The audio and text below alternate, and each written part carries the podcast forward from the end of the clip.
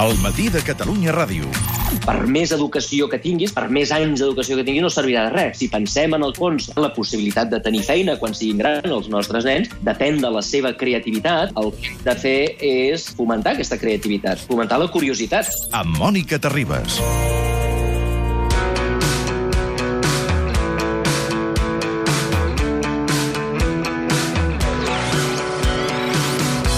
Com sabeu, eh, cada 15 dies fem l'informe Xavier Sala i Martini, com és un home eh, que va a cavall la seva vida de les moltes conferències que fa aquí i allà, a fora, eh, fa classes, com sabeu, a Nova York, i per tant viu uns mesos allà, però eh, viatja molt. Eh, no passa sovint que el tenim aquí a l'estudi en directe, i a mi em fa especial il·lu- il·lusió poder-li dir bon any 2019 a Xavier Sala i Martini avui. Hola, molt bon dia. Moltes gràcies, a mi també em fa il·lusió Clar, poder venir. tant en tant veure't la cara, que sí, no? quant, sí. I el color de l'americana, perquè sempre penso, deu portar americana quan parla amb nosaltres a distància a aquestes hores? Perquè a vegades coincideix que fem un horari que no, que no té d'americana, diguéssim, no? no? No, són, No les, sempre, eh? són les 6 del matí o les 4 Clar. o 5 del matí als Estats Units i sí, sí. Encara et devem agafar amb batí. Les quatre del els batins també són de colors o no? No, No. no, no. No. matins són discrets. Escolta, avui eh, ho hem dit des de les 6 del matí, teníem ganes de veure't perquè ja fa dies que estem explicant-li a l'audiència que l'administració nord-americana està en shutdown i els estem dient això com si les persones que ens senten estiguessin familiaritzades amb el que això significa. I no sempre és així. El govern dels Estats Units està tancat des del 22 de desembre perquè Donald Trump es nega a firmar la llei de pressupostos si no inclou més de eh, 5.000 milions de dòlars per finançar el famós mur a la frontera amb Mèxic. És el segon shutdown més llarg de la història i la pugna amb el Partit Demòcrata eh, ni aquesta nit s'ha acabat de resoldre.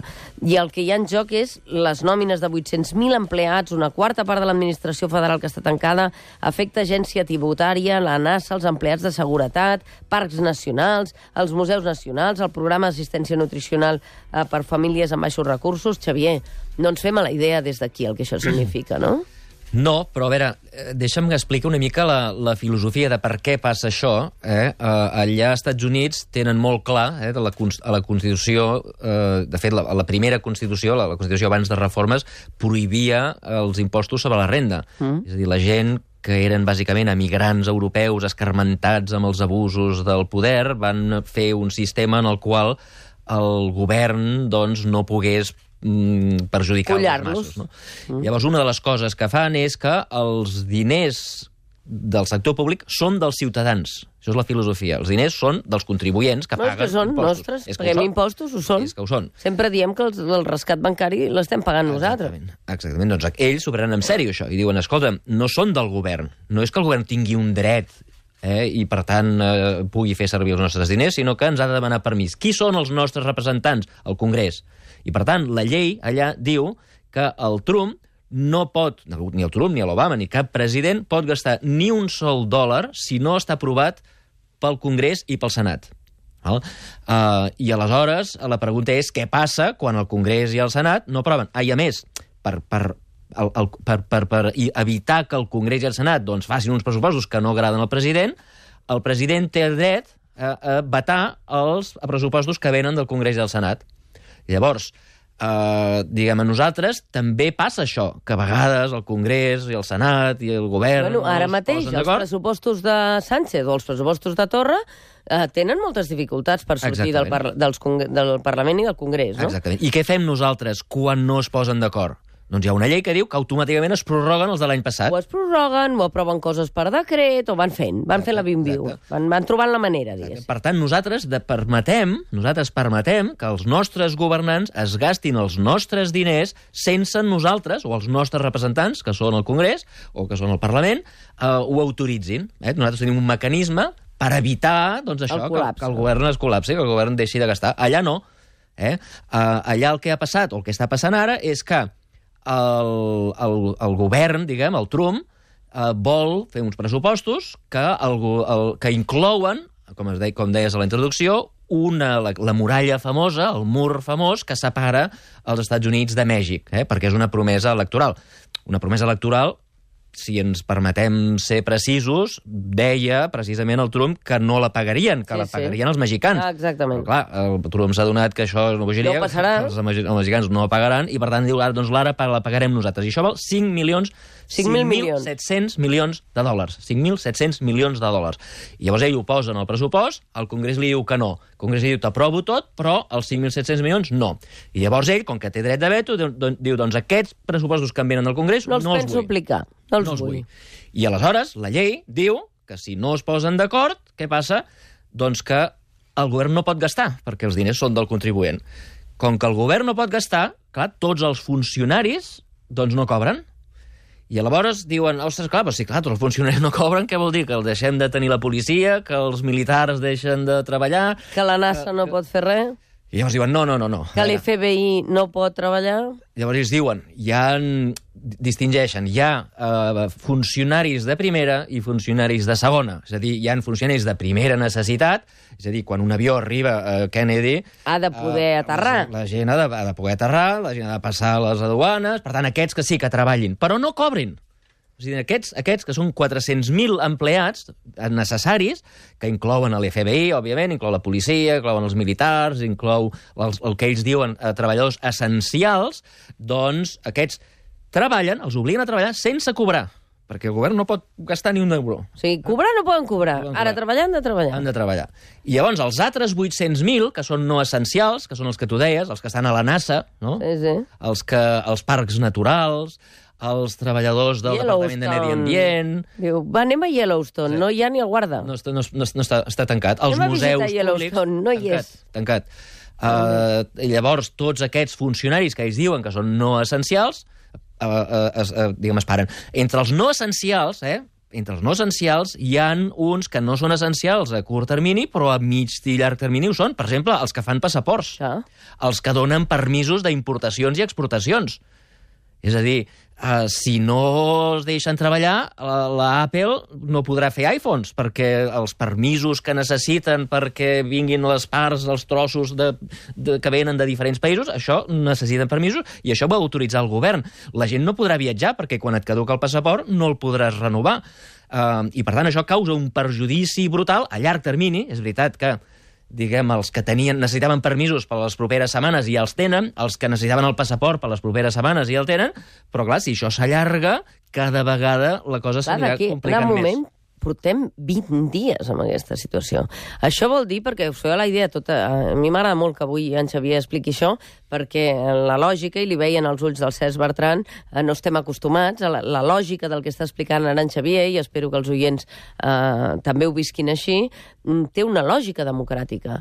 De dir, jo poso el vot eh, al, al Parlament o al Congrés, no el poso en el govern, el poso al Parlament o al Congrés. I la sobirania és allà.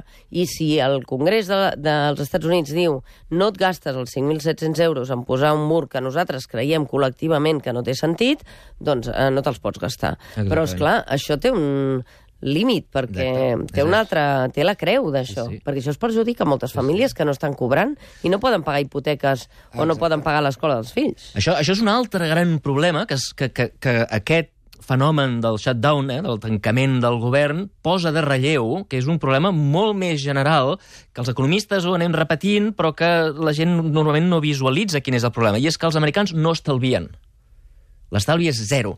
Viuen, el que ells diuen, paycheck to paycheck, és a dir, que re reben el, el salari, eh? I se'l gasten. I se'l gasten tot. I l'últim dia, diguem, de mes que gasten l'últim dòlar, llavors els arriba el nou salari. Eh? Uh, vol dir que no, no estalvien. I fins i tot molts s'endeuten. Les targetes de crèdit estan fins al, fins al límit. Eh?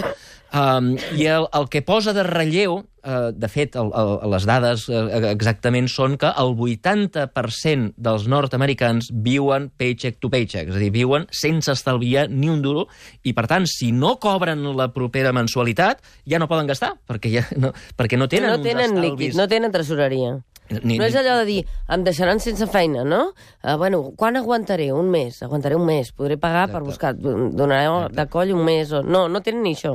I, I això, eh, insisteixo, és un fenomen que, va, que és molt més general que els treballadors del govern. No és un problema de pobresa, no és que siguin pobres, perquè molts d'aquests assalariats, els salaris dels governs són bastant alts, entre 50, 100.000, 150.000 euros, dòlars, són... Però s'ho gasten. Són, són normal. El que passa és que s'ho gasten tot. Gasten tot, cotxes i cases i... I, I escola restaurants, privada, i universitats clubs, dels fills privades, i etcètera, no? El, el, el fenomen no és que siguin pobres, el fenomen és que no estalvien. La societat americana és una de les que menys estalvia eh, a tot el món, i una de les raons és que, clar, allà el, el fenomen de l'atur no existeix. Allà t'acomiaden i al cap de 20 minuts tens una altra feina. I No, això de, de, ostres, hem d'estalviar per si ens Per si em acomiaden... quedo penjat. Això, com que Penjada. a ells no els hi passa, doncs, escolta'm, trobarem una altra feina. Però, clar, en els funcionaris aquests que són perpetus, dir, que treballes per tota la vida en el, a la, en el departament de passaports... De, O comerç, o el sanitat, on sigui. de- Exacte. Doncs, eh, doncs eh, clar, aquests no estan acostumats a buscar feines i de sobte els hi ve de nou eh, que es queden sense feina, no poden anar a buscar una altra perquè tenen una feina bona que els hi durarà tota la vida, eh, però sí que la pregunta és, i ara com viurem Els propers mesos fins que això passi? I més perquè Donald Trump, la sensació que jo tinc, eh, uh, Xavier, tu coneixes més, és bastant imprevisible el que faci. Perquè uh, aquesta nit mateix han tingut una reunió amb Nancy Pelosi, amb els demòcrates, s'han assegut allà, uh, ell ha fet la pregunta de em donareu els diners per fer el mur? I li han contestat no. I s'ha aixecat i s'han anat. Sí, sí. I ha dit, ha sortit i ha dit, "Is- a waste of my time, és dir, estic perdent el temps amb aquesta gent. I-. Sí, sí. Ah, o sigui, no baixen del burro? Doncs jo continuo amb shutdown. A veure, estem, estem en, un, en una situació eh, del joc de la gallina, saps? El joc del gallina, que és el, el, el joc que, que surt a diferents pel·lícules, eh, eh, que diguem que és, que és un, dos cotxes que van al precipici, Sí, eh, van sí. a, a tota velocitat, eh, i la, dos joves eh, esbojarrats, eh, i el joc és, aviam, qui és el primer que frena. Mm. Això és el rebel sense causa, Ah, Exacte. no? Rebel sense causa, també apareix en una, en una escena, em sembla que és de Gris o una cosa Sí. així. És a dir, eh, eh, i el primer que salta del cotxe o el primer que para és el gallina, és el gallina, eh? Covard, co, gallina no en el sentit de... En el sentit de covard. Covard, Perquè gallina, no s'arrisca fins al límit a veure Exacte. si no cau. Exacte. Doncs ara estan jugant aquest joc. Eh? Per cert, quan fas aquest joc sempre acaben caient els dos, Sí. eh? perquè tots s'acaben apurant massa, i ara estem jugant aquest joc. No? Eh, el govern, com que, com que el govern té dret de veto, els demòcrates diuen, si no vetes, eh, s'acaba el problema. Per tant, és culpa del Trump. El Trump diu, eh, la culpa és dels demòcrates perquè tenen majoria al Congrés i no m'ho aproven. Eh? I els dos tenen raó, perquè són els dos el que han de fer. Un ha d'aprovar i l'altre ha d'acceptar. Eh, però, clar, ara estem en el joc de l'opinió pública. Eh? L'altre No dia va sé què em sortir... recorda, això. Això també passa aquí, Sí, a això vegades. també passa aquí, sí. Saps? A veure, qui serà que mm, acceptarà això? A qui li donem les culpes, eh? A qui li donem la culpa d'això, no? Quan passa alguna cosa que no t'agrada, a qui li dones les culpes, no? Ara hi ha els pactes aquests amb el Vox, a veure si la culpa és de Vox o és que tu pactes amb Vox, Sí, a veure sí, qui, és el, sí. qui és el dolent. Algú ha de ser el dolent i jo no sóc el dolent, el dolent sempre és l'altre. Doncs aquí ara estem en aquest moment, no? Uh, els, uh, els demòcrates tenen un avantatge que és que si tu preguntes als americans, el 60% veuen que això del mur és una tonteria. No cal gastar 5.700 milions en un mur que no servirà de res.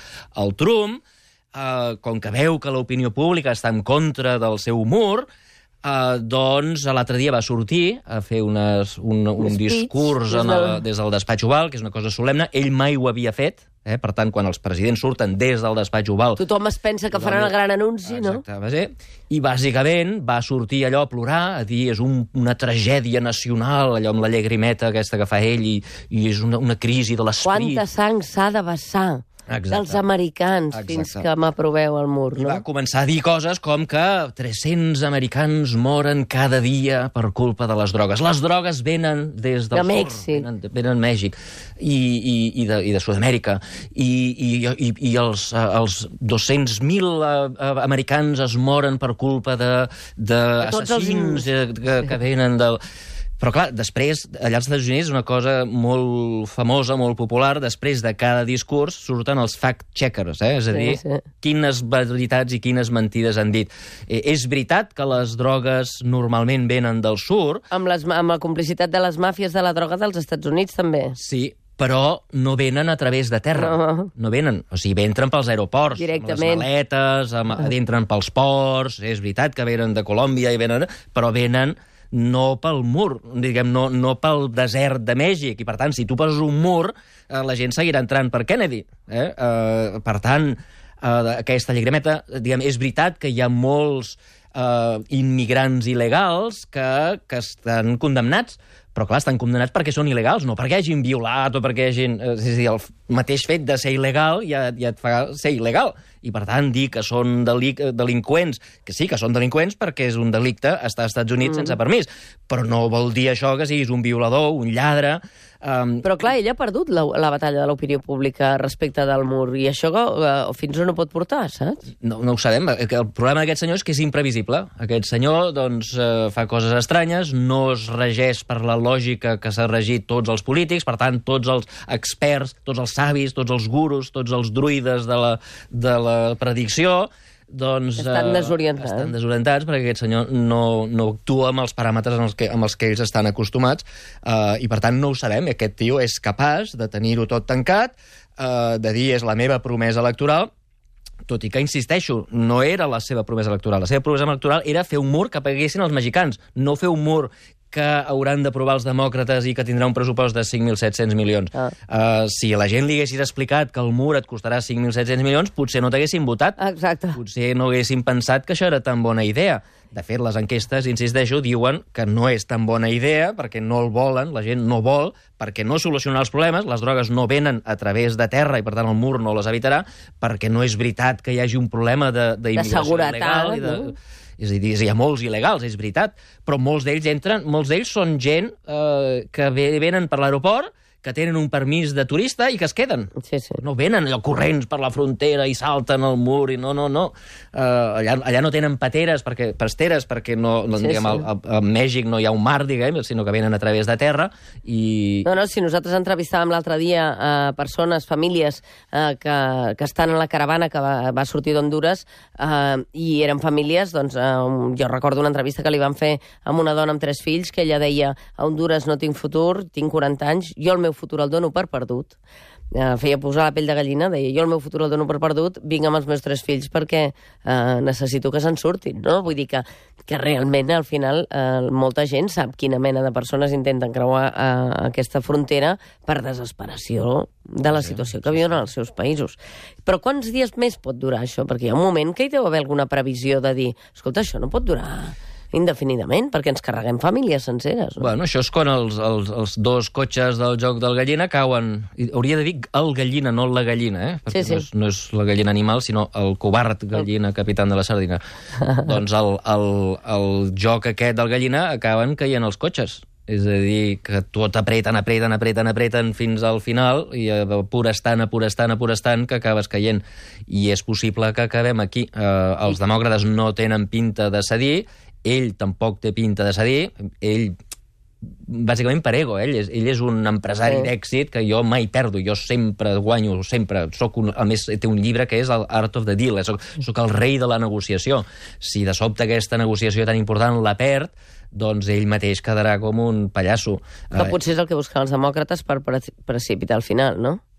No ho sé, no, jo no sé ben bé què busca cadascú, però la realitat és que a la final el que pot acabar passant és que això perduri, perduri, perduri, que ningú cedeixi i que els perjudicats a curt termini siguin aquestes famílies, eh, que són 800.000, eh, que no és poca cosa, però que a més d'això a la, diguem, a la llarga, com he dit abans, la cosa s'anirà escampant, perquè no podem estar molts mesos sense passaports.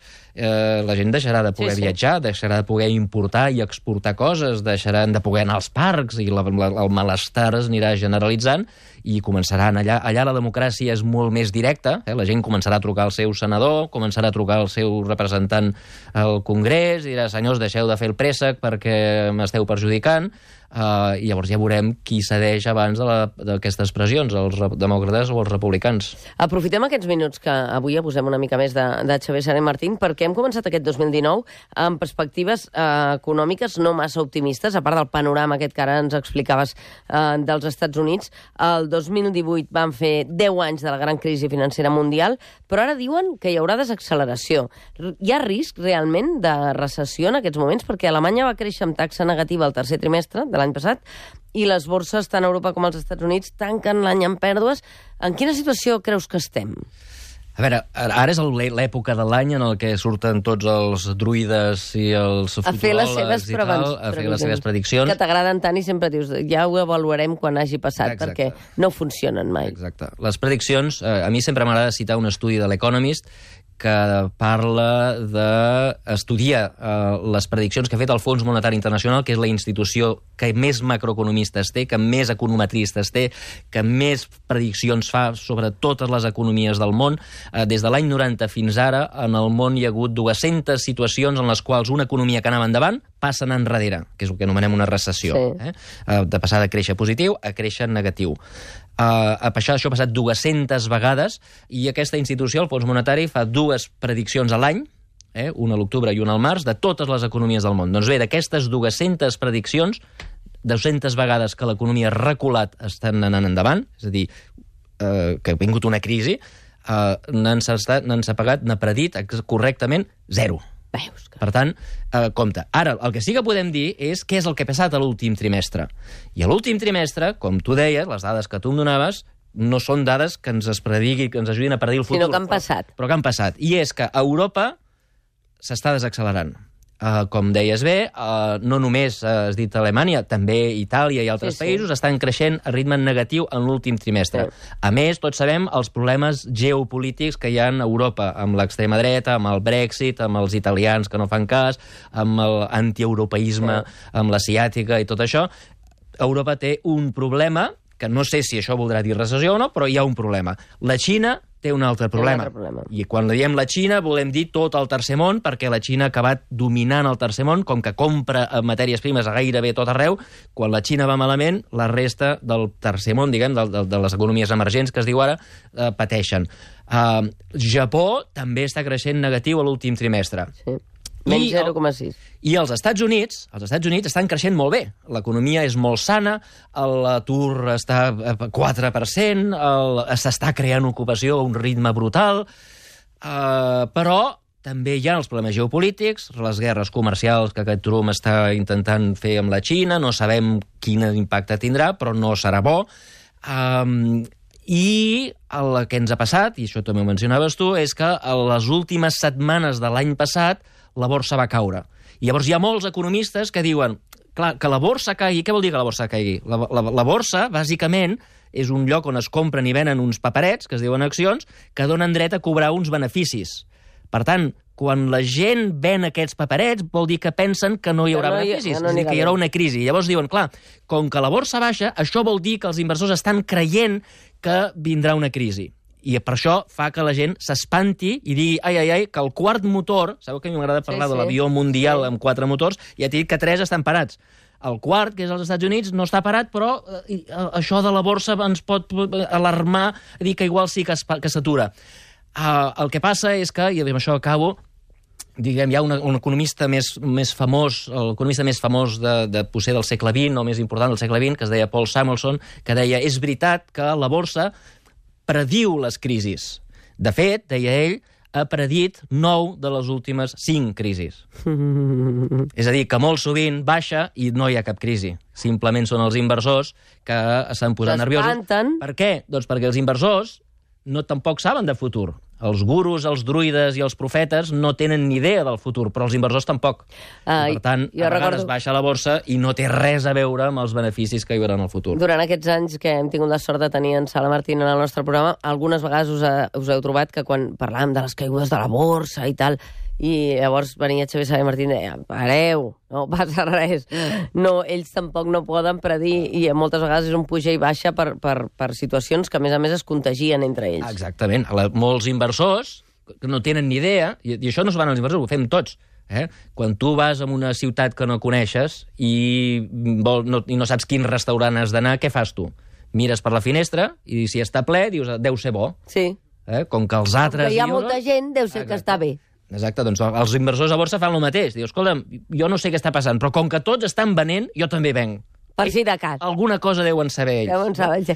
I sempre pensar-se que l'altre en sap més. Exacte, i llavors això fa un, un efecte ramat, eh, que potser el primer, el primer que ven eh, ho ven per curiositat. Eh, L'última pel·lícula de, de, de Mary Poppins, Sí. eh, eh, diguem, fa referència, eh, una de les referències que fa a la primera pel·lícula és una escena fantàstica de la primera pel·lícula, que és quan el nen uh, vol gastar diners amb, els, amb el menjar dels coloms. Sí. I el seu pare li diu, no, no, no, estalvieu i posa-ho al banc. Sí. Llavors el nen va amb els diners al banc, no sap que ben bé que és un banc, Se'n va veure tots aquells senyors aquells senyors, i, i un moment que el Dick Van Dyke, que feia Sí. sí. també de banquer, eh, uh, li agafa la moneda. I aleshores el nen es posa a cridar i diu, torni'm els diners. Sí, sí. Llavors tota la gent que està al banc diu, Oh, li diners, dir que robant el els banc no té diners. diners, sí. el banc no té diners. I tots corren a treure diners i no saben per què, però com que veuen que els altres corren, tots comencen a comprar i s'ensorra el banc. Eh?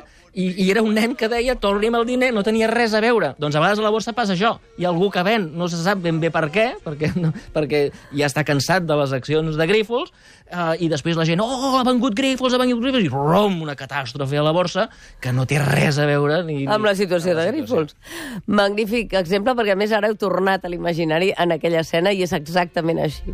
Uh, Xavier Sala i Martín, d'aquí 15 dies seràs a Davos? Sí. Uh, Sí, sí. Aquest any promet això o no? Bueno, és un tema estrany. eh, Globalització 4.0. Globalització 4.0, que vol, bàsicament, em sembla que vol dir que la, diguem, com s'ha de compaginar la globalització amb la localització i les noves tecnologies, la intel·ligència artificial, eh, les, bio, les biotecnologies, les noves bio, tecnologies de bioenginyeria, eh, com, es, com, com, com, com, com tot això es barreja amb el, en, el, en aquest món canviant i de, de, de, Et trucarem, et trucarem d'aquí 15 dies per veure si ha valgut la pena. A Ah, veure va. què ens expliques. Fantàstic. Gràcies, gràcies, Xavier.